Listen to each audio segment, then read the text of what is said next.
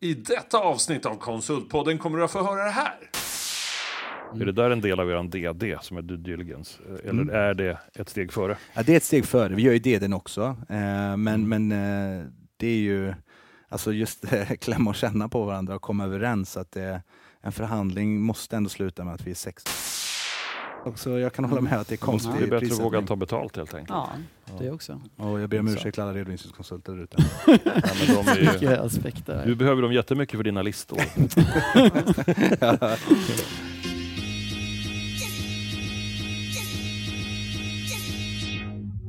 Konsultpodden med Håkan och Mattias från Berotech och Sinode. Äntligen en podd för dig i konsultbranschen. Vi är i en bransch som genomgår stora förändringar och det finns massor att snacka om. Häng med oss! Konsultpodden, vi är tillbaka. Helena och Håkan, hur har ni haft det? Fantastiskt, som vanligt. Även om just idag kom väl hösten tillbaka. Liksom man får gå i regnet. Jag tog det... på mig polotröjan för Ja, första du är så gången. himla snygg idag. Du är så Det snygg varmt, idag. varmt här i Ja. studion. Nej, men jag har haft en jättebra tid sedan vi såg. Jag har varit nere i Frankrike och tittat lite grann på massa spännande grejer. Vi får se vad det blir. Vad har ni gjort då?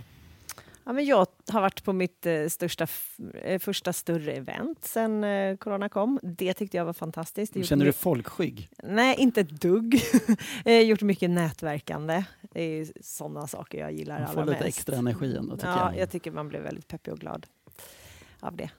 Härligt. Så det bra, bra veckor. Ja. Och du har varit iväg också? Ja, men jag var också iväg faktiskt, en liten, liten minisemester med familjen till Aten. Eh, Skönt. Så kom hem igår. Så Mm. det var 35 grader och så blir det regn och rusk nu. Men det, det har varit jättebra, absolut. Det är verkligen så här full fart. Det är nu Ja. säsongen har börjat, som Härligt. man säger i fotbollen. Precis. Men idag har vi ett jättespännande tema, tänker Ja. jag. För att vi, vi har ju, alla vet ju att det är mängder av förvärv i branschen. Vi har mycket investeringar som kommer in. Det har blivit ett helt annat tryck. Vi ser bolagen på börsen har bara gått spikrakt uppåt i konsultbranschen. Så vi har med oss en, en riktig investerare här. Välkommen Sebastian Karlsson. Tack, bra, bra cue. kul. Eh, men kul, kul att vara här. Eh, kul att få prata med er. Ja. Nej, men vi, vi ska ha lite, lite tema med investeringar och hur det är att sälja sitt Mm. konsultbolag och sånt tänkte vi. Yes. Eh, men ska vi bara börja lite så här bakgrund om, om dig? Vi har en liten dialekt. Ja, exakt. Jag är faktiskt född i Helsingborg, så det är inte därifrån dialekten kommer. Mm. Men jag är uppväxt i Karlstad eh, i Värmland, så att jag har bott där i, i den största delen av, av mitt vuxna liv. Eh, bott i Stockholm sedan sen, eh, sen tio år dock.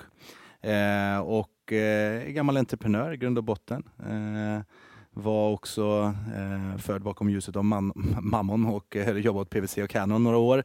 Eh, och, eh, ja, men jag har drivit eh, mjukvarubolag, eh, medicintekniskt och eh, även ett eh, projekt-CRM och ärendehanteringssystem för, för fastighetsbranschen.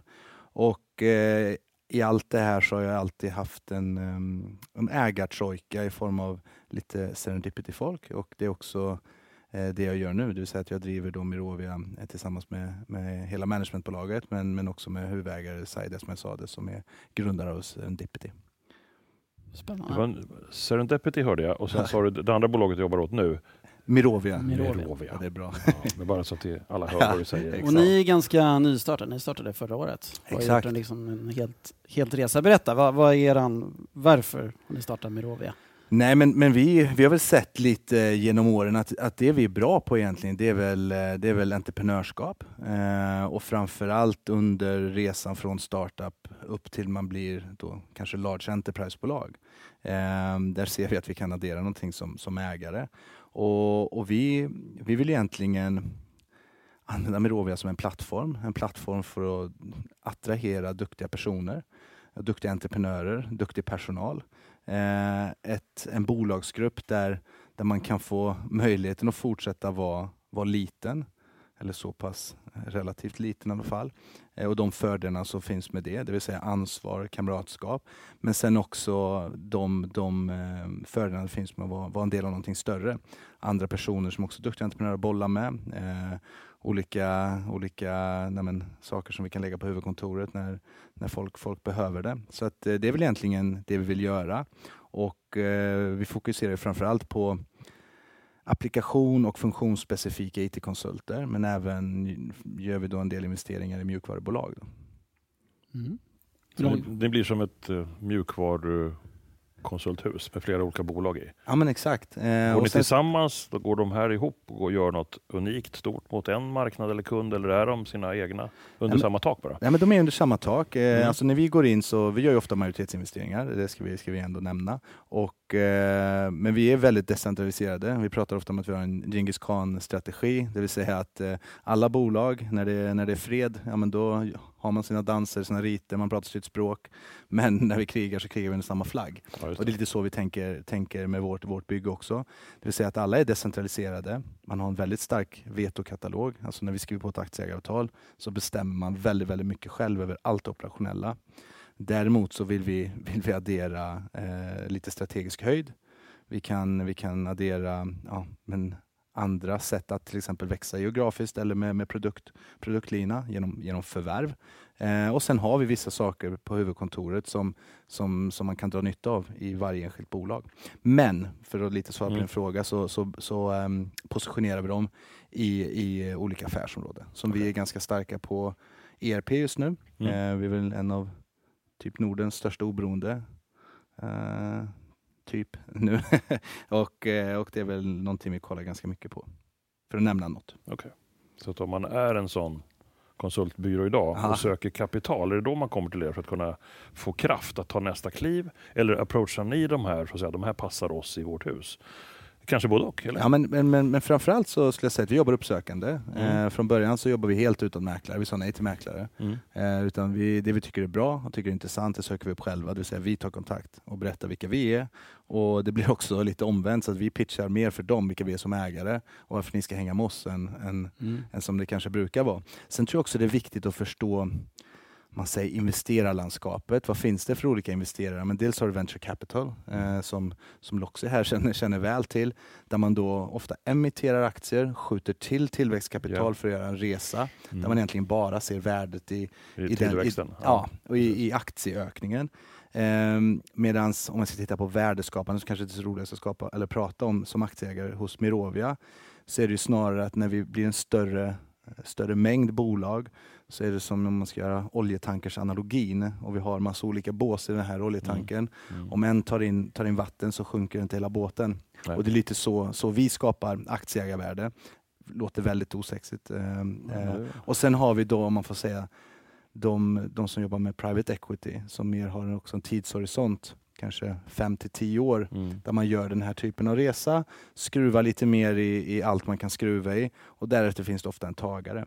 Så att eh, vi vill vara, vi vill vara SME-entreprenörers bästa vän och vi har en evighetslång horisont i det, det, vi, det vi gör och eh, våra, våra vårt kapital, vårt surt förvärvade kapital, det kommer från, från ägarna och management. Så det är väl också en skillnad på, på oss. Mm. Att det är våra egna, egna pengar. Så att när vi, när vi tittar på ett bolag, då är vi väldigt, väldigt noggranna med vad vi tar Ja, det är in. SME, vad är det för oss som inte vet? eh, ja, men små och medelstora bo bolag. Ja. Eh, EU har en definition på det här. Eh, Mm. Mikrobolag 1 till 10, eh, små 1 till 50 och sen 50 till 250 är medel. Då, och därefter Okej. är det large enterprise. Ja, ja. Eh, så att, eh, vi, vi gillar bolag, ofta under 100 anställda. Mm. Eh, och det ser vi på, på datan som, som Loxy här har tagit fram en gång i tiden att är du under 100 medarbetare så har du ofta bättre lönsamhet. Och jag tror det hänger ihop mycket med att, att du känner ett ansvar för, för resultatet och för dina kompisar.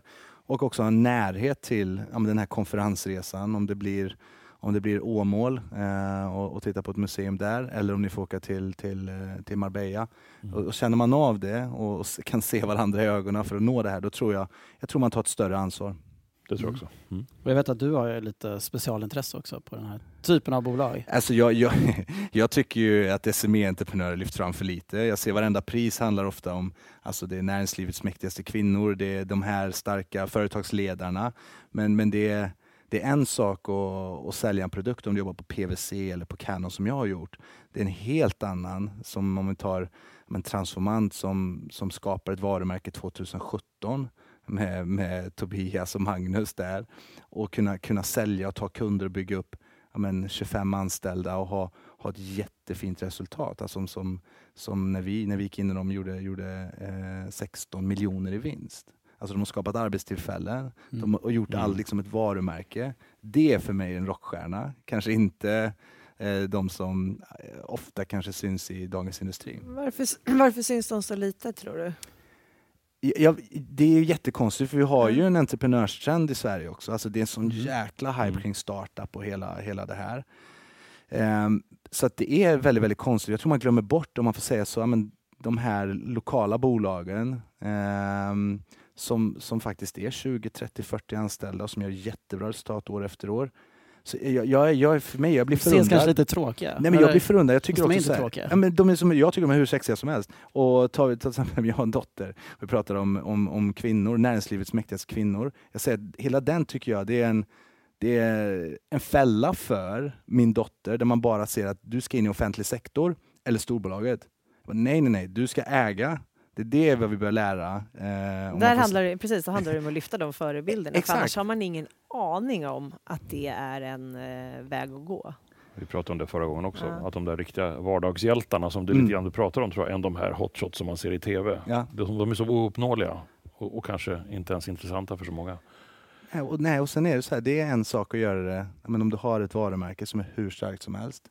Om du ska sälja Googles produkter, det är inte jättesvårt att sälja Googles produkter. Även de som jobbar på Google säkert slår sig för bröstet. Men ska du, ska du sälja, men som men Synode eller Loxy här, som när ni börjar bygga ert företag och ska ni till de första kunderna, men ni kanske er produkt inte var kanske inte var 100% Nej, från det var början. mycket buggar och Nej, men förstår, för, och- för, alltså Just just det där, ja, att kunna absolut. göra det, Mm. det är någonting som jag tycker, liksom high five. Så att Mm. det är det jag tycker om alla våra entreprenörer, de har gjort det själva från scratch och vissa har gjort det fler än, än en gång. Så att, eh, jag, ja, men jag är ödmjuk när, jag, när jag sitter i, i deras sammanhang och, och inte alls egentligen samma kaliber som de är som entreprenörer själv. Så, så det vill jag också Det är med. intressant. Vi fostrar ju ändå ganska många entreprenörer i konsultbranschen, Mm. Vilket är positivt. Och sen har Ja, vi verkligen. många som startar eget också. Man, man eh, startar det här lilla konsultbolaget och växer det och Mm. så vidare. Så Jag är tänkte, eller vi har tänkt, det kan vara spännande för de som lyssnar kanske, som då har drivit lilla, sitt lilla konsultbolag ett antal år och, och kanske bara funderar på att vi skulle vilja ta nästa kliv. Mm. Där det, kapitalanskaffning kan vara ett sätt eller få stöd av en större organisation som ni gör då, både och då förmodligen. Vad är, det, de- vad är det man ska tänka på som en liten bolagsägare för ett gäng konsulter, 35 pers säger vi? Hur, hur, vad är det de ska ha på sin agenda närmsta året? Nej, men först och främst så kan man tänka var, vart, vart ligger våra flaskhalsar? Alltså är det, är det leveranskapacitet eller sälj? Eh, och, och de bitarna egentligen, om det bara är det, då tycker jag egentligen man ska göra det själv. Alltså fortsätta ha 100% ägande. Nu pratar jag emot Mm. min egen affärsidé här, Mm. men, men det är vad jag Mm. tycker. Eh, är det däremot att du börjar sitta och tänka, okej vi har börjat nå ja, men, eh, en platå här, där vi inte vet, ska vi välja, är det geografisk expansion? Och ska vi göra det via ett förvärv eller ska vi rekrytera på plats? Eh, det, finns liksom, det kommer gå åt pengar för båda. Vad är Mm. rojen bäst någonstans? Mm. Eh, eller ska vi, ska vi titta på kanske ja, men, utöka vår produktlina? Och det är en klassisk ja, men en Ansoff-matris. Liksom. Befintlig produkt, befintlig marknad och ny produkt, ny marknad. Och så börja börja positionering vart man ska. Eh, så att är man där, då skulle jag kunna vända, Mm. kolla mot en aktör som Mirovia. Men sen ska det också, tycker jag, det ska vara, ja, kännas bra i magen. För, för oavsett om du är en ägare så kommer vi, vi kommer jobba ihop, både operationellt med vissa saker, men också styrelsen. Så kan du inte, kan du inte hänga med dem på en flygplats och göra flygplatstestet, då tror jag inte man ska Nej, nej, gå i säng med varandra. Ehm, så så det, det, det är faktiskt det jag skulle skicka med. Mm, det är bra. Hur ska det där företaget vara riggat då för att en sån aktör som ni ska bli intresserade? Förutom att man är då i de här läget, att ska vi expandera eller inte, de här frågeställningarna Mm. nu, så berätta dem. Vad, är, vad, är, vad, är, vad gör ett sånt bolag intressant för en aktör som er? Vi, vi kollar ju, ja, men som sagt, om de jobbar mot de är väldigt nischade i sitt erbjudande. Eh, dels ser vi det också det att då kommer man högre upp i, i värdekedjan. Då är det ofta högre intjäning per timme. Eh, och sen så tittar vi ofta att de har en komponent avtalsbunden intäkt. Så att de är motståndskraftiga. Och ska jag säga att har du en intäktssvans på dina kunder så är det enklare att väcka nya projekt. Det vill säga du har en reason to speak med dina kunder. Du kan göra Mm. men, quarterly business reviews med dem och säga vad funkar det, vad ska vi göra nu? På grund av att ni faktiskt är kunder på någon Mm. produkt eller något avtal. Eh, så det, det letar vi mycket efter. Och sen, ehm, sen tycker jag också att eh, man ska ändå se att de har byggt upp någon form av organisation. Mm. Eh, och med det menar jag om du har om du har en VD som är positionerad 0, 05 eh, av sin tjänst, eh, sälj och 02 konsultchef och det här och alla andra sitter i projekt eller till och med han eller hen, Mm. hen är belagd. Mm. Då är det så här, då är det lite kan jag tycka att vi har inte byggt upp en endaste pusselbit organisationsmässigt för det här. Så, Ja, så då, då blir jag så här, ja lite kanske... Måste ha kommit lite längre. Ja, Mm. så att jag tycker ändå att man ska ändå ha, men, säg att en konsultchef som är ja, men 50% konsultchef, 50% beläggningsgrad och sen att det finns någon som kanske stöttar lite med, med ekonomin eh, och Mm. gärna någon som också har säljtänk. Det det. behöver inte bara vara direktförsäljning, det kan vara att man har en, en digital närvaro som börjar generera Mm. leads. Mm. Men det- du vill ha någon det- form av robusthet, hör Ja. jag någonstans. Att det inte står och vacklar med en kund, utan det ska vara lite så, ett inflöde. Ja men det, det Mm. gillar vi såklart. Ja. Eh, Mm. och, sen, eh, och sen är det också att det ska kännas, kännas bra i magen när man träffar varandra. Ja, det är klart. Eh, som vi försöker alltid åka ut till, självklart, men det är inte självklart för alla ska jag säga, men åka ut och vad är det här för filurer? Alltså träffa dem, eh, liksom se deras kontor om det är möjligt. Ibland är det ganska mycket Mm. hysch i en sån här process, men om det är möjligt. Eh, för att klämma och känna på varandra. Eh, och våra, våra två första förvärv där, jag vet inte, jag tror vi hade dialog i långt över ett halvår innan vi, innan vi eh, gick i säng med varandra. Mm. Så att vi, vi kände varandra utan och innan. Och det är liksom, jag ser dem ibland lite som medgrundare av Mirovia för att de vågar hoppa på när det inte fanns något. Mm. Är det där en del av er DD som är due diligence? Eller Mm. är det ett steg före? Ja, det är ett steg före. Vi gör ju den också. Eh, men Mm. men eh, det är ju alltså just klämma och känna på varandra och komma överens. Att det, en förhandling måste ändå sluta med att vi är sex av tio nöjda Mm. på båda sidor. Ingen får vara tio av tio nöjd. Då är det, då är det någon som har torskat ordentligt. Eh, så, att, så att just att vi kommer dit. Men det måste också finnas här att Mm. det första är, gillar vi varandra, då kommer vi komma i mål på något sätt, om alla bara är resonliga. Men, så Yes. att, Det eh, känns ju väldigt fräscht och eh, trevligt. Jag, i min bild av det är att det inte alltid går till så. Så det är fint om ni ger er tiden att verkligen lära känna personerna. Men nu, hur går det till sen då? Ni hittar det här rätt bolaget. Jag, eh, går det att förklara i någon step-by-step-process? Nej, men vi, vi har en ganska tydlig process. Om man Mm. tittar på man säger våra dealflow-kanaler, alltså inflöde av eh, prospekt, om man säger, så har vi den största delen är enbart uppsökande. Det vill säga att vi Mm. sitter varje dag egentligen och, och kollar på bolag på hemsidor, LinkedIn, Facebook, Och Försöker- Loxys lista. Loxys lista. Ja, ja, jag fattar. Försöker, ja, men, Ja, ja, det- jo men det har vi, det har vi, ja, Ja, ja, ja. Eh, nej, men så kollar vi igenom de här eh, och liksom själva databasen, det har du ju olika verktyg för. Och sen så kollar vi igenom där, den här bruttolistan gör vi till en nettolista där vi bockar av och ser, är det här ett Mirovia-bolag? Det vill säga det ska vara applikation eller funktionsspecifik IT-konsult eller ett, ofta ett vertikalt mjukvarubolag, alltså ett mjukvarubolag som jobbar mot en, en bransch. Det är det vi letar efter. Finns det någonting mjukt som behöver stämma där också? Förutom de här personerna som du rättar, men någon värdering eller någonting annat? Det är, svårt att, med det är svårt att se det då. Mm. Ehm, och det, det tycker jag man märker när man, man jobbar. Vi, tittar man på våra bolag så skulle jag säga att det som är gemensamt för dem är att de har en bra kultur. Jag menar, två av eh, våra bolag är med på den här Great Place to Work. De är plats två, Summon Partners och fem Lemon Tree. Summon Partners blev Mm. till och med rankade i Europa nu. Mm. Så att där har man byggt en kultur som är jäkligt stark. Och sen brukar jag titta på kundsidan. Det är en av de grejerna jag kollar på i, i den finansiella DDn. Då. Nu hoppar jag lite, men jag kommer tillbaka där. Eh, för att se hur jämna är eh, kunderna, alltså kundvolatiliteten eh, varje år. Mm. För ser man då, även om projekten minskar, men de är fortfarande där, så det är förståeligt att det ibland blir större och mindre projekt varje år. Men då ser man att ja, men topp 10-kunderna rör sig inte speciellt mycket. Då är de ofta väldigt nöjda med leveransen. Mm. Eh, så det blir för mig alltså net promoter scoren, Mm. alltså kundnöjdheten. Så har du bra kultur, låg personalomsättning och eh, en kundvolatilitet som är relativt låg, det är ofta ett bra bolag. Så det är sådana grejer jag Mm. tittar ganska Återkommande mycket på. Ja, men det är bra. Personalomsättning. Exakt, Mm. eh, för det är också en sån här grej. Och personalomsättning är naturligt, framförallt i Stockholm. Så det, det är svårt liksom att och, och helt eh, gardera sig emot. Men vi ser också att eh, bolag som, som har hög teknikhöjd, det blir ett socialt lim för många som man vill, vill joina och då har de lägre personalomsättning. Det syns ganska mycket när vi gör våra, våra siffror. Så ni gör den här första utsållningen och sen tar ni kontakt. Yes. Och sen är det mycket pitch. Du var inne på det, pitchandet. Jag tänker nu är det så sjukt mycket förvärv. Alla vill ju förvärva de här fina bolagen. Så det är mycket att ni ska sälja in er själva? Ja, men, men, men det är så, så även, jag kan tycka det är konstigt när vi tar emot ett prospekt från, från mäklare till exempel, när de ska börja pitcha från oss. För, för det blir så här, ni, vi ska pitcha för er också. Vi måste, ni måste veta vem, om vi är rätt ägare, Mm. eh, om vi ska, vi ska hänga ihop massor. Och när det är mäklare, då är det bolaget som har sagt att de vill sälja? Ja exakt, då Mm. har de liksom förberett lite mer. Eh, Men, men det, det är exakt så, så att vi, vi börjar med att vi vet att ni inte ens eh, har tänkt på det här. Vi vill ta ett förutsättningslöst möte och berätta vilka vi är. Vad kan vi göra ihop? Är det intressant?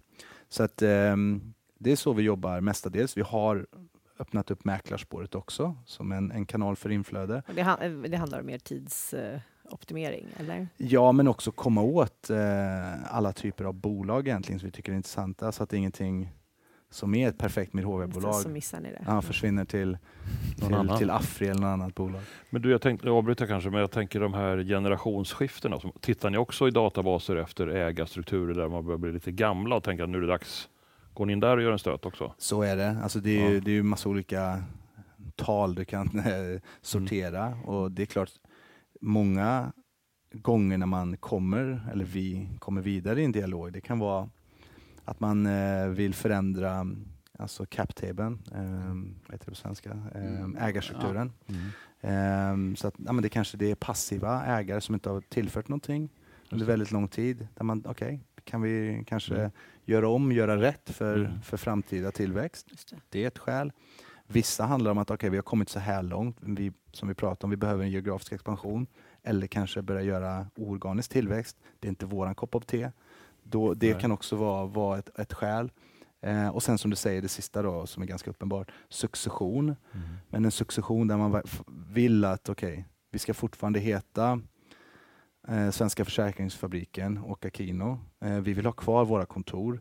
Vi vill, inte, vi vill inte vända upp och ner på den här verksamheten. Utan vi vill att ni hjälper oss med successionen. Mm. Så det, det är ofta Ja. de tre. Blir jämställdhetsfrågan intressant när ni tittar på bolagen? Alltså, jag tycker den här är...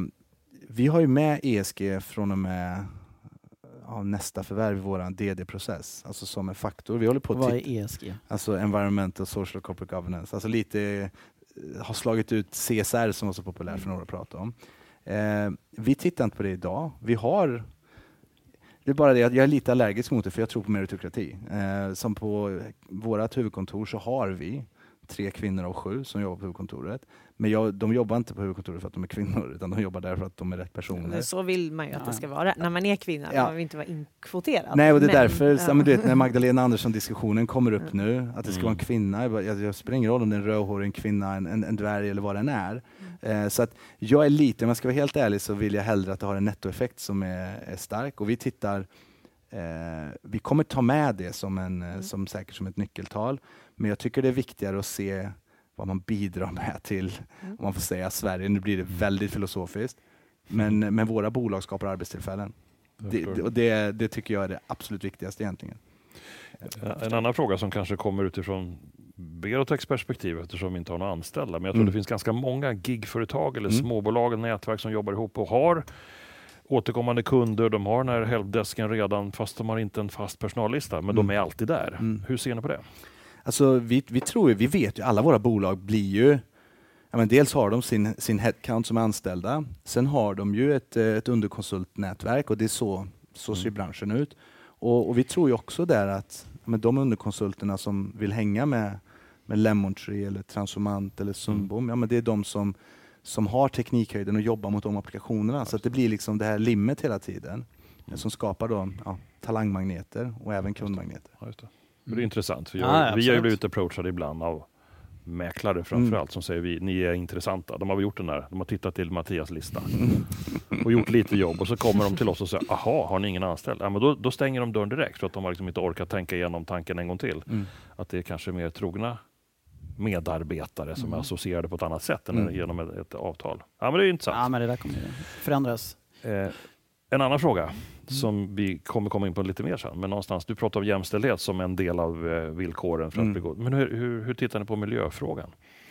Alltså, den, den, det som är lite svårt för oss, eh, vi tittar ju på den, och vi kommer titta på den utifrån en DD-rapport. Så att eh, när vi gör en DD som vi var inne på lite tidigare, då gör vi en finansiell DD för att kolla igenom siffrorna. Ser det ut som att de säger. Eh, sen kollar vi igenom då hur det ser ut legalt, alltså anställningsavtal, är de korrekta? Och även en del kundavtal så att de inte har något som heter change of control där de kan bryta avtal på grund av att vi kommer in som ägare. Eh, sen kan vi ha, vi gör ibland också people audit för att kolla lite kring, Mm. kring personalen eh, så att vi får in dem, om, speciellt om vi ska göra en succession, så att vi får en, en känsla för, för hur det är och ibland också en teknisk eh, DD i, i alla de här. Och här kommer vi också lägga in en, en, en del till. Då. Vi, Mm. vi håller på nu med, med, med GT, där vi jobbar med deras eh, team för, för ESK-frågor. Så tar vi in dem eh, i, i den här DD-processen eh, för, att, för att ta fram de nyckeltalen vi, vi, eh, vi ska ha. Då. Däremot ska jag säga att vi har inte bestämt, utan vi har, vi har en workshop faktiskt eh, nästa vecka där vi börjar med just, just de här frågorna. Men för mig är det, det som jag sa, det här med ja, men tre av sju kvinnor eller vår styrelse 60 procent med utomeuropeisk bakgrund. Det, går, det är sådana saker vi skulle kunna nämna. Men jag tycker det är lite, jag, jag tycker nästan det är känsligt. Det är en, det är en liten faktiskt en, en pekpinne jag själv har. För att de är inte i vår styrelse för att de har utomeuropeisk bakgrund. Nej, nej, nej. De är där för att de är kompetenta och jag tror att vi måste börja prata om Men- meritokrati. Det, men det kan ju fortfarande vara så att er styrelse blir bättre på grund av att den ser diversifierad ut. Absolut, alltså, det- så, Men så kan det vara. oavsett vad anledningen är till att det har blivit så. Men det är spännande. Jag tror ju någonstans att, att, att de här DD-arna då, för att liksom, Mm. som pratar rent krasst pengar, Mm. som return of investment. Jag tror och hoppas att vår bransch och er bransch också Mm. börjat värdesätta hur miljöarbetet sker. Som en del av ert beslutsunderlag. Ja. För den kanske inte går att räkna på korta eh, sikten i pengar. Mm. Men om man inte gör det så vet vi kanske vad som händer ändå. Så det känns som om vi kunde knuffa in den frågan lite i allt. Mm. Eh, och det, det är ingen pekpinne till Nej, dig, nej, nej. utan det är bara att vi håller på att Mm. mogna, tror Ja. jag, eh, snarare. Och, och jag, jag, håller, jag, håller med, jag håller med om det. Det Mm. enda som vi, vi pratade lite om det på lunchen här tidigare, Mm. att det har en nettoeffekt. Ehm, jag tycker ju, det är klart vi har en, en påverkan när det gäller energi när vi håller på med IT. Det, det vet alla, men jag menar IT, alla här inne har drivit det ganska länge med att jobba med eh, alltså video, videomöte långt tidigare än en offentlig sektor har gått över Mm. dit. De gjorde det nu under covid, vi har gjort det här i tio år. Eh, så att vi har redan haft ett Ja. ganska lågt, tror jag, alltså environmental footprint. För att vi har hållit ihop våra team och kunnat jobba på det här sättet.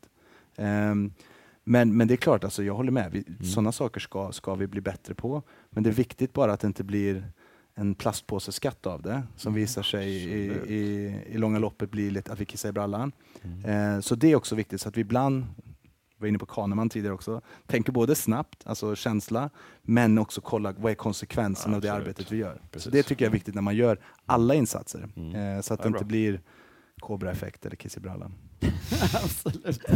Eh, jag, jag tänker gå tillbaka lite till, eh, till säljaren. Det, jag tänker att det, det de kanske främst frågar efter. Vad, Mm. vad är mitt bolag värt? vad får jag? Ja. Vad, vad kommer du betala mig? Ja, men, ja, jo men så är det. Eh, och och det, är aldrig, det, är aldrig, det är aldrig lätt att svara på den frågan. Eh, men men ehm, alltså det, det, finns ju, det finns ju säkert liksom offentlig data på vad ett, på ett konsultbolag är värt. Sen, Mm. sen ser nog alla olika beroende på, på dels faktiskt vad man kommer till företagsresan. Alltså ett, en serieförvärvare då, om man får säga Mm. så. Kanske ju längre eller närmre en, en börsintro med mera, desto mer kanske de kan, kan höja en multipel. Eh, och sen i början kan de vara mycket mindre. Eh, men, men det är svårt. Men jag, jag tror, vad kan det vara? Alltså fyra till åtta gånger, gånger vinst är väl säkert någonting som är Mm. gångbart om du kollar på all transaktionsdata. Mm. Ehm, och sen ska man också komma ihåg, där eh, slåss vi ibland lite mot att folk blandar ihop det där investerarlandskapet som vi var inne på tidigare. När vi pratar VC och folk kollar folk på venture capital så ja, men Loxys bolag är värt så här mycket. Men då ska man komma ihåg att ja, de har emitterat aktier och fått en värdering. Det är väldigt långt till att faktiskt få likvid i, i, i de här papp, papperna. Eh, Medan här ska det ut pengar rent, rent ut ur det här bolaget till, till en ägare. Så att, så att eh, det är också en uppgift för oss att lite utbilda att, att vi har olika sätt att skapa aktieägarvärden. Mm. Är det orimliga värderingar? Alltså ibland kan jag tycka att det är orimliga värderingar eh, utan att förringa, förringa bolagen. Men ibland tror jag så här, som, som, jag är från landet, jag kan tycka att alltså, Stockholm innerstad har gått lite bananas ibland med allting. Alltså, ja men det är så, det är folk, folk ser inte ibland de, de förstår inte hur mycket pengar det är. Eh, och, och jag, tror, jag tror man ska backa lite där och ha, ha en ödmjukhet eh, för det. Och istället, om det behövs, så får man, får man vänta och säga nej istället så att det blir rimligt. För, för någonstans om, om det bara fortsätter hypas, hypas, hypas, ja men då, då har vi 2008 eller millennieskiftet igen.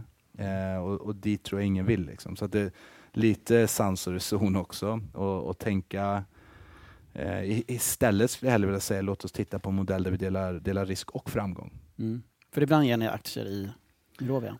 Exakt, så, så beroende lite på hur ägarstrukturen ser ut eh, så, så, så finns det en sak vi kan göra. Okay, vi, vi är på den här resan nu. Eh, vill ni vara med och, och ta ett bett eh, på det? Eh, och Det gör vi framförallt med sådana där man, där man är hungrig på att göra någonting ihop. det är inte så vanligt vid successionscase. men sen också ska det passa, lite som vi sa, vi, vi har inte one size fits all utan varje cap table ägarstrukturlista eller ägarlista ser annorlunda ut. Där, där, där, vi har några som kanske är 65, ibland ännu äldre, som, som, som ska börja spela mer tennis eller golf. Eh, och sen har vi några som, som kanske precis har kommit in i ägarskaran. Vi vill gasa, det är svinkul. Eh, mm. Vi får en nytändning för att vi har, om man får säga så, en, kanske en hungrigare mm. och yngre i det här fallet, eh, ägar, ägarlista. Så att, eh, det, det, men vi är väldigt inlyssnande mm. eh, när, det här, när det här kommer upp på tal. Då. Jag tänker eh, jättebra. Ut, utmaningar vid förvärv och speciellt kanske så konsultbolag. Nu, nu låter ni era bolag liksom behålla specialistkulturen. De mm. behåller ju sitt personal men det är många, vi har ju sett många förvärv i konsultbranschen. Man köper upp ett, ett, ett bolag och sen så försvinner halva mm. värdet av bolaget för det är halva personalstyrkan startar eget mm. eller, eller försvinner till någon konkurrent. Är det, är det er värsta mardröm att hälften av medarbetarna försvinner när ni förvärvar dem? Jo, men, men så, är det, så är det ju. Alltså det är väl det, det, är det vi är rädda för. Därför kollar på, på personalomsättning är viktigt för oss och det här med kundvolatilitet. Sen blir det ju så att vi måste ändå, det är det vi pratar om när vi träffar entreprenörerna. Eh, någonstans får man ibland bara titta varandra i ögonen och lita på varandra också. Eh, och, och nu har vi, nu vet inte om vi har haft extremt flyt, men vi har haft liksom våra entreprenörer, det, alltså de har under kanske den, den uh, tuffaste tiden som svensk ekonomi gått igenom någonsin, mm. så har mm. de hållit upp mer eller mindre samma resultat och ibland bättre. Och, och Jag tror att lite också att vi har ett upplägg där vi delar risk och framgång så känner alla att vi gör, vi gör det här ihop. Um, det gör i alla fall från vår sida, jag hoppas också de, de känner samma sak. Så att, uh, jag, jag, tror, ja det är klart det är det vi är oroliga för, men vi försöker förutom då att folk ska vara med och kanske vara med på vår resa, eh, så försöker vi också säga att ibland eh, att är det några nyckelpersoner ni vill ha med eh, och det har skett i fler, flertalet gånger nu när vi har gått in i ett, i ett bolag. Det är att vi har en ganska stor minoritetsaktieägarlista eh, som kommer med in i, i vår fortsatta tillväxt och det tycker vi är superkul. Eh, sen så håller vi också på att kolla på, på ett incitamentsprogram eh, från Mirovias sida just för att kunna men se till att Jobbar du i ett Merovia-bolag, då ska du kunna, du ska kunna gå kvar här hela livet. Både monetärt eh, och liksom karriärsteg och kompetensutvecklingsmässigt. Eh, så det är, det är ju någonting som vi vill få till. Mm. Så både bli nummer ett, alltså bli Indutrade för, för IT-konsulter och mjukvarubolag när det kommer till att man vill man vill, eh, man vill kanske successionera eller ta in en partner. Men också att ett Mirova-bolag är nummer ett på marknaden när det kommer till att få till sig talanger. Det är också någonting vi vill få till.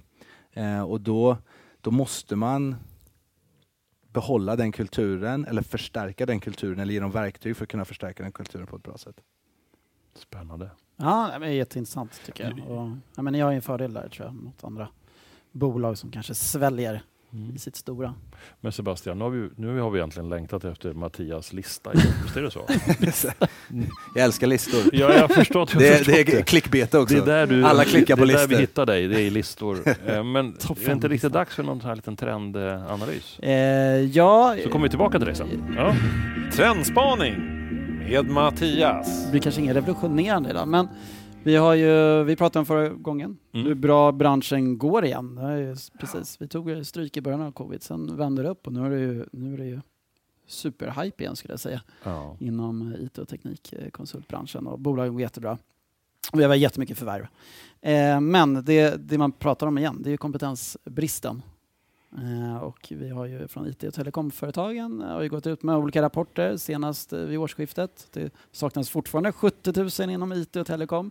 Innovationsföretagen, jag vet inte hur många de säger, men det saknas mycket folk. Och Ja. Det går ut konsultledare och så vidare. Det, det saknas kompetens i Sverige. Eh, och vad gör vi åt det här då?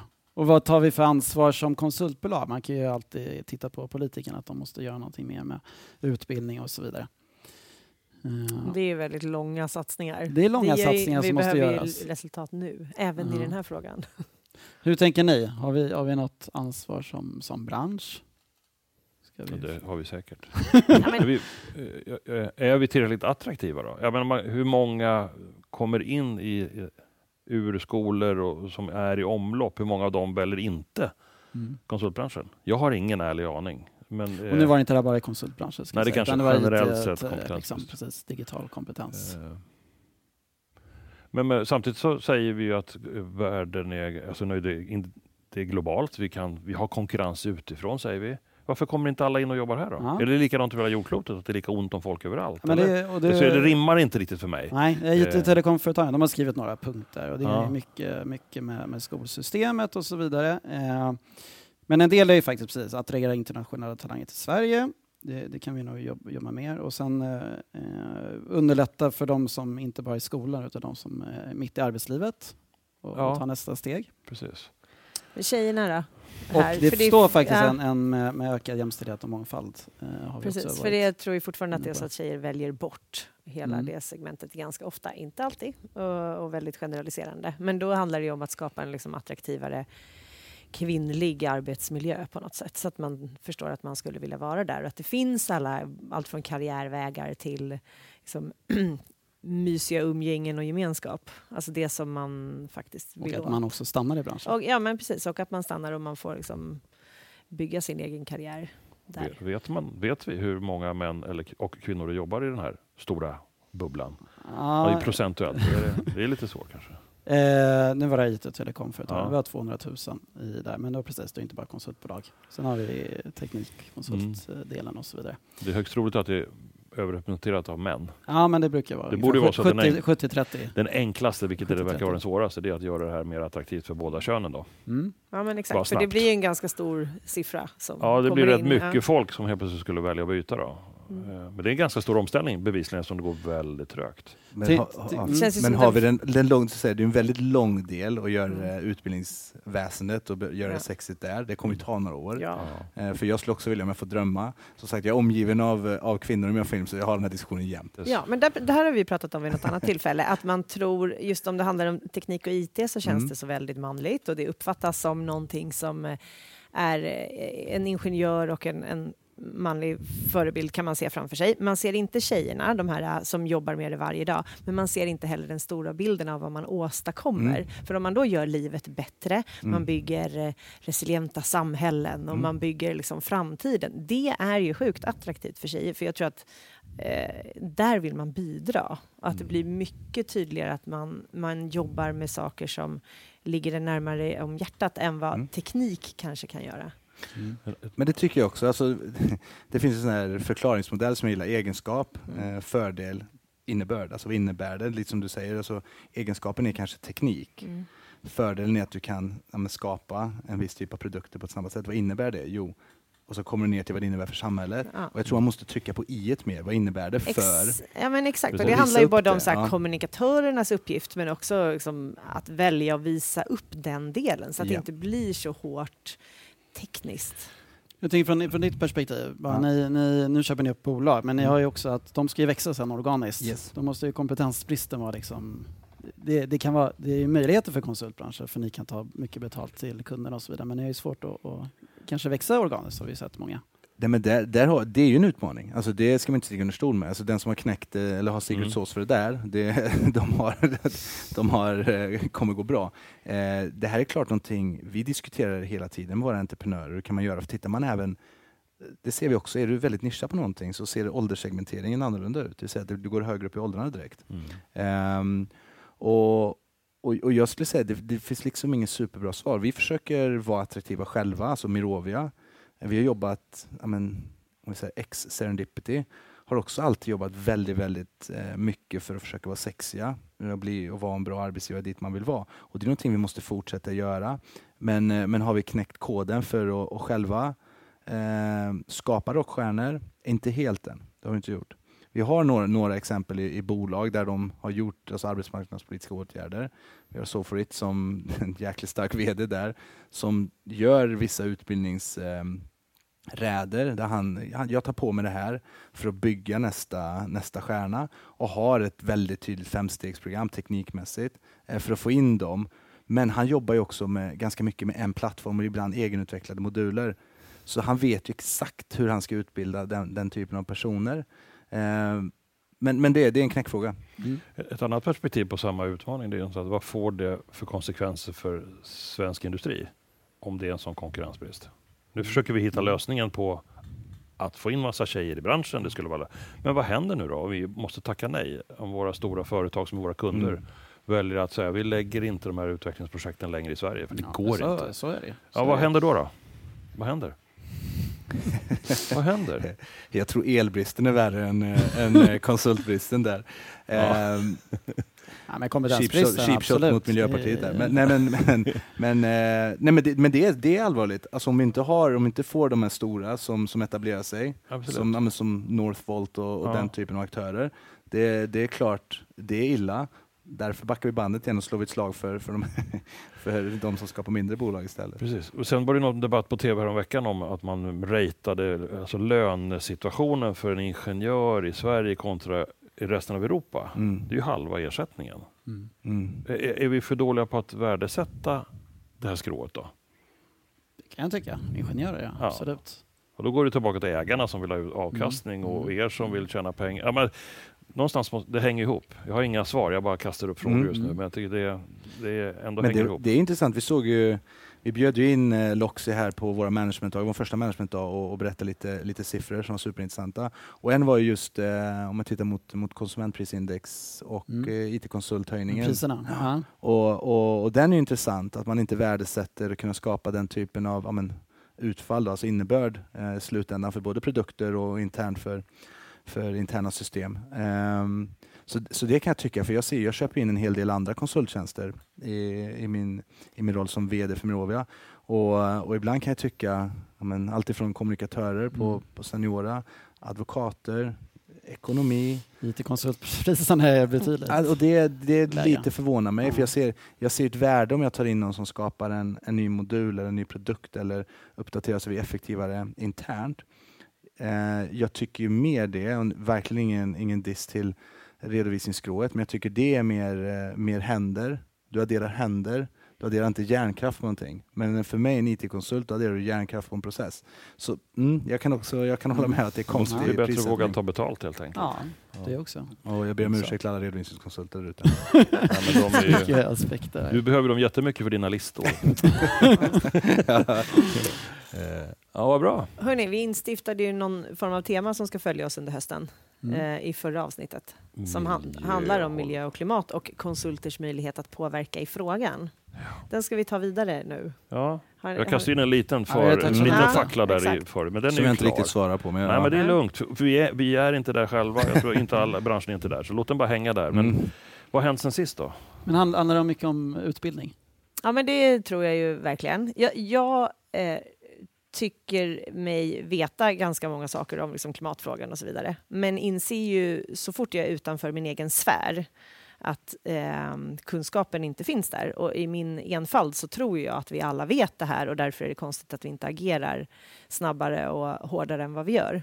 Men, men eh, vi gjorde ju till exempel nu i veckan, en, eh, eller förra veckan, på Berotech så hade vi en eh, vi har såna interna utbildningsmånader. Då körde vi just en klimat, vi körde klimatfrågan enbart, inte hållbarhet i stort, utan som pratade om hur det faktiskt ser ut med eh, mängden koldioxid i atmosfären och varför det är dåligt och vad som händer vid olika eh, tipping points och så vidare. Och där märktes det väldigt tydligt att eh, man behöver prata om det här ganska mycket mera för att Eh, dels så kan man ju förändra saker i sin egen livsstil, men dels om man har kunskapen så har man ju jättestor möjlighet att gå till kunden, som förmodligen inte heller kan så jättemycket, men värdesätter säkert att få kunskapen eftersom det berör oss alla. Jag, något sätt. jag kände, du hade ju förmånen att få berätta för oss hur media bevakar den här stora frågan i Sverige kontra utomlands. Mm. Och du hade en skön bild där man såg från England. Det var, det var, liksom, det var, det var röd text och det var hemskt. Och i Sverige så var det liksom Ja, inte, inget fel på Linda Bengtzing, men, då var men det, det var hon tog mer plats på löpet än vad miljöfrågan gjorde. Mm. Då känner jag att jag är en passiv lyssnare Mm. i den här frågan bevisligen. För den, här, den här finns här, men jag hör om det där. Och Helena pratar hela tiden om hur jobbet det är. Och jo, det är nog det. Men det där gav mig en liten insikt. Jag tror, därför, jag, tror det handlar om att ge folk bättre insikt Mm. så kommer vi bli mer aktiva i den här frågan. För de som pratade med dig efter det här mötet, oh shit, jag trodde inte att det var så illa. Och då är det sjukt intelligenta ingenjörer Mm. som läser tidningar. Jag, menar, jag tror det är där vi måste börja. Ja, alla är jag- inte där uppe där du och några andra är. Ni kan inte dra det här loket själva. Utan vi Nej. måste, vi måste få haka Nej, men- på tåget genom insikter, tror jag. Ja, och jag är jätteglad för att jag då fick berätta. Jag vill bara ge en shout-out eh, till eh, Mattias Goldman som hade sammanställt de här tidningsframsidorna. Det var ju han, ja. Precis. Ehm, Ja, men de gjorde det bra, för de, eh, nu blir det referat till eh, Mattias Goldman Ja. på Sweco, han är inte kvar där, men de, för de tog upp den frågan i varje uppdrag, sa han, nämnde han. Ja, som och de punkt, lägger, liksom. sig, de lägger ju sina mål högre än vad kunden Mm. själv har begärt. Alltså man kan alltid veta att det är en mer hållbar leverans än vad de liksom frågade efter. Så kanske det- tipset det är, då ja, Ja. att låta o- oss som är i konsultbranschen att få veta lite mer i lugn och ro. För det blir lite pekpinne tycker jag när man liksom direkt får säga, "Har- äter du kött eller? Ja, bara, det, Nej det, förlåt. så, det är det jag är så det, rädd för. det, det skapar bara ångest. Jag tror man måste skapa det insikt så- genom så. inspiration mycket mer. ja. Eh, Då kommer vi bli fler som förstår det här. Ja, precis. Vi, vi har ju flugit i veckan. Ja, och man törs faktiskt inte ens berätta om det. Nej. Då har vi ändå kommit någonstans i... Ja, Det men, exkluderade. något har ju kommit i status eh, liksom, förändringen då, Mm, om det är ja, så att man precis. skäms när man har gjort det. Så ett tips är, ta inte för givet att vi vet så mycket om det här ännu, utan eh, berätta. Låt personal, kollegor, Ja, men- medarbetare få prata om det här. Precis, ja, men kanske, det finns ju alltid någon på alla bolag, jag råkar vara på då, Mm. men eh, som säkert sitter på en del kunskap i alla fall. Man kanske kan börja där och prata lite grann vid kort, ett kortare möte. Och visst eller åker du gärna ut och berättar om det du kan Jag till kan, vem som jag helst. kan jättegärna berätta. Ja, jag kan, får jag berätta en sak till som jag tycker är så himla vettig att ha med sig? Du får berätta hur mycket du vill. Ja. Får jag det? Ja, men det finns något som heter Carbon Law, som Mm. jag tror att vi nämnde lite korta Mm. på morgonen. Men den, är så, den handlar om, det är en massa miljöforskare, eller klimatforskare, Johan Rockström bland annat, som har tagit fram den. Den handlar om att vi ska pika utsläppen 2020. Och sen så måste, Globalt eller? Ja, globalt. Och det Mm. här går liksom att applicera på alla nivåer. Det är Mm. därför jag tycker att den är intressant att berätta om. Sen ska vi halvera utsläppen varje årtionde och så ska vi vara neutrala 2050. Det här går att applicera på mig som person. Om jag tar reda på mina utsläpp nu så kan jag ju också veta om jag lyckas eh, halvera dem på tio år eller inte. Eh, men så kan man också göra i hela bolaget, eller i familjen, eller hela landet kan göra det. Det är ju så Sverige mäter. Men det går att göra i en bransch. Det, går, det är liksom jättelätt att målen finns redan där. Så det är Mm. egentligen bara att börja på, jobba Nu kanske det blir ett långt program, Ja. men jag flyger, jag klimatkompenserar. Hur ser Bra. du på det? Är det Ja, mycket bättre än att inte göra det. Mm. Sen så beror det väl på lite, så man kan klimatkompensera på olika sätt. Det finns jättemycket vettiga projekt som bidrar till att vi slutar använda fossilt utomlands och så blir det solkraft istället. Då är det ett bra sätt att klimatkompensera. Också att så här, eh, rädda regnskog från mer skövling och så vidare. Det gör ju jättestor skillnad. Mm. Så att, eh, Men jag, tror, jag tror klimatperspektiv, jag tror man diskuterar det. alltså jag, Mm. jag tycker att det kommer upp väldigt, väldigt ofta. Ja. Eh, jag är svårt att se att det har liksom gått förbi någon Nej, men det går inte. Nej. Men däremot tror jag liksom, jag tror, alltså alla har samma intention, det bara gäller vägen dit. Som vi pratade om lite med signalpolitik när vi har men stängt ner nu 6 av 12 kärnkraftverk och, och södra Sverige. Tände i Karlshamn. Ja, det är det jag menar. Så då blir det, vi har gjort någonting och så, så nu börjar vi importera ful, ful energi Mm. från kolkraftverk ifrån Europa. Och det blir så här, fasen har vi återigen Kahneman har ju verkligen tänkt igenom konsekvenserna av det. Och, och det är ju som sagt, det är ju mycket det är ju en svår fråga som in i, för att det är ju den globala påverkan eh, den är så stor, alltså, den, på global nivå. Så har vi liksom Kina som du säger till exempel nu. Jag vet inte hur många kolkraftverk de, de De startar i. tio största länderna med mest invånare, det är ju bland annat Kina och så vidare, de gör ju väldigt lite på frågan och då är ju de nästan hela eh, den globala medborgarkåren. Men, men så det, det, det är så svår fråga ibland för oss i Sverige hur vi, hur vi ska göra det. Ehm, så det, det kan jag tycka, för jag, jag vet att vi står för 0,2 procent när det gäller, gäller environmental footprint eh, som vi pratade om tidigare. Om, om vi stänger ner står vi för 0,1. Alltså om vi bara skulle Ja. bara, vi slutar finnas i Sverige. Så att då blir det så här, vad har vi utanför och hur kan vi få påverkan där? Så jag tror det bästa, om vi ska komma till nettoeffekt igen, så tror jag det bästa vi kan göra det är att vara alltså skatte, skattedriven innovation som vi faktiskt kan exportera igen. Så att vi Det blir är en för- verkligen det vi har här, innovationerna. Och Men- de måste skala, de måste ut Och det håller jag med om. Ja. Och vi som Sverige, kolla bara på startup-scenen, vi typ, förutom San Francisco, vi är bäst i världen Mm. på att skapa startups. Mm. Så om vi kan bygga en scen och vi har lärarundantag, det vill säga man äger IP när man forskar i Sverige, då skulle vi kunna skapa massa innovation Mm. som, som, vi kan gå, eller som kan gå på export sen. Så jag tror det bästa Sverige kan göra, i och med att vi har ett ganska högt skattetryck också, eh, enligt vissa, eh, det är ju att, eh, att, vi, alltså att det läggs mer pengar på, på den typen av Mm. forskning istället. Eh, och där, jag vet inte själv, om jag kan inte utan och innan, men, eh, men för att vi, för att få ner det på riktigt så måste vi exportera våra tankar, vårt tankesätt. Mm. Och det tror vi gör bäst genom innovation. Ja, det, det kan jag verkligen tro på. Och vi är ju ett föregångsland vad det Mm. gäller de sakerna. Där kommer man titta på Sverige. Så att, eh, vi kan göra eh, påverkan fast vi är små, även om inte det vi släpper ut själva är det största. Skitbra, Ja. vilket inspel. Det kändes Bra. som att musikundret fixade vi för att vi hade block. Jo, men det var ju också ett, ett, ett Tragglande initiativ. på blockflöjt. Det var, liksom, det var musikklasser i hela Sverige, det var Exakt. blockflöjter och varenda jävla box. Och sen så digitaliseringen med alla, alla dessa hem-PCs för Exakt. 20 år. Det är ju PC-reformen, den det ligger till grund för mycket. Ja, Ja, men det- då, nej, då, tar vi med. då tar vi det tredje steget nu. Då Ja. är det liksom miljöstartup som vi ska jobba med. Jag, men jag, jag, tror, jag tror vi har någonting. Jag tycker det är superintressant att man diskuterar frågan. Mm. Ehm, men jag tycker också man ska tänka fasen, hur, hur gör vi? För vi måste exportera. Vi har ju ändå ställt problemformuleringen. Ingen som ni säger kan ha missat det i Sverige. Att nej. vi har, alla är, alla är verkligen eh, eh, medvetna i Sverige, Mm. tycker jag. Mm. Men, men hur exporterar vi vårt tankesätt i så fall? Då? Och det bästa sättet är ju att, att göra som Håkan Lantz utan att bli av med IPn. Alltså Ja. exportera det helt enkelt. Det Mm. tror jag. Bra. Mm. Det tycker jag vi avslutar med. Fantastiskt, vilken energi. Nu har vi en riktning. Har du tagit med något Håkan? Ja, eh, framförallt det sista nu då. Jag är jätteintresserad av det här, det du jobbar med, hur ni tänker. Eh, jag var en av de förespråkarna att du skulle komma hit, för jag tycker det, det är något man pratar för lite om. Jag har alltid gillat dig. Jag hatar listor, men annars har vi rätt mycket gemensamt. Det var jättebra. Eh, och att, eh, att eh, due diligence oftast handlar väldigt mycket om ekonomin, men jag hör att du pratar om att kulturen är någonstans avgörande för att alla misstag som sker i de här övertagen är ju när folk i alla fall slutar, för det var inget kul. Mm. Så det är skönt att höra att det gäller fortfarande. Så det det jag tar med mig. Mm. Ja. Ja, men, eh, jag tycker att det är spännande att lyssna på dig för att jag har så otroligt dålig koll på exakt det du gör.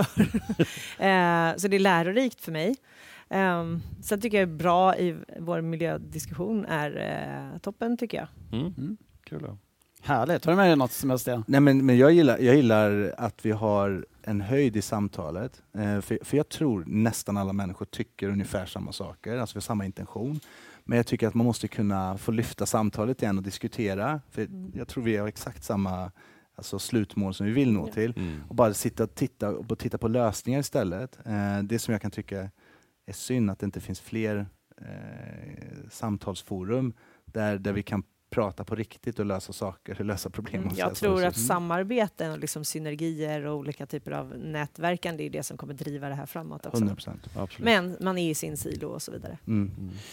Bra, men stort tack Sebastian. Tack själv. Stort tack Men- att du var med. Ja. Yes. Men innan vi slutar, vi har ju faktiskt en, en gäst som kommer hit om några veckor. Ja. Robert Blom. Robert Blom. Gammal Ja. handbollslandslagsspelare. Aha, så är det.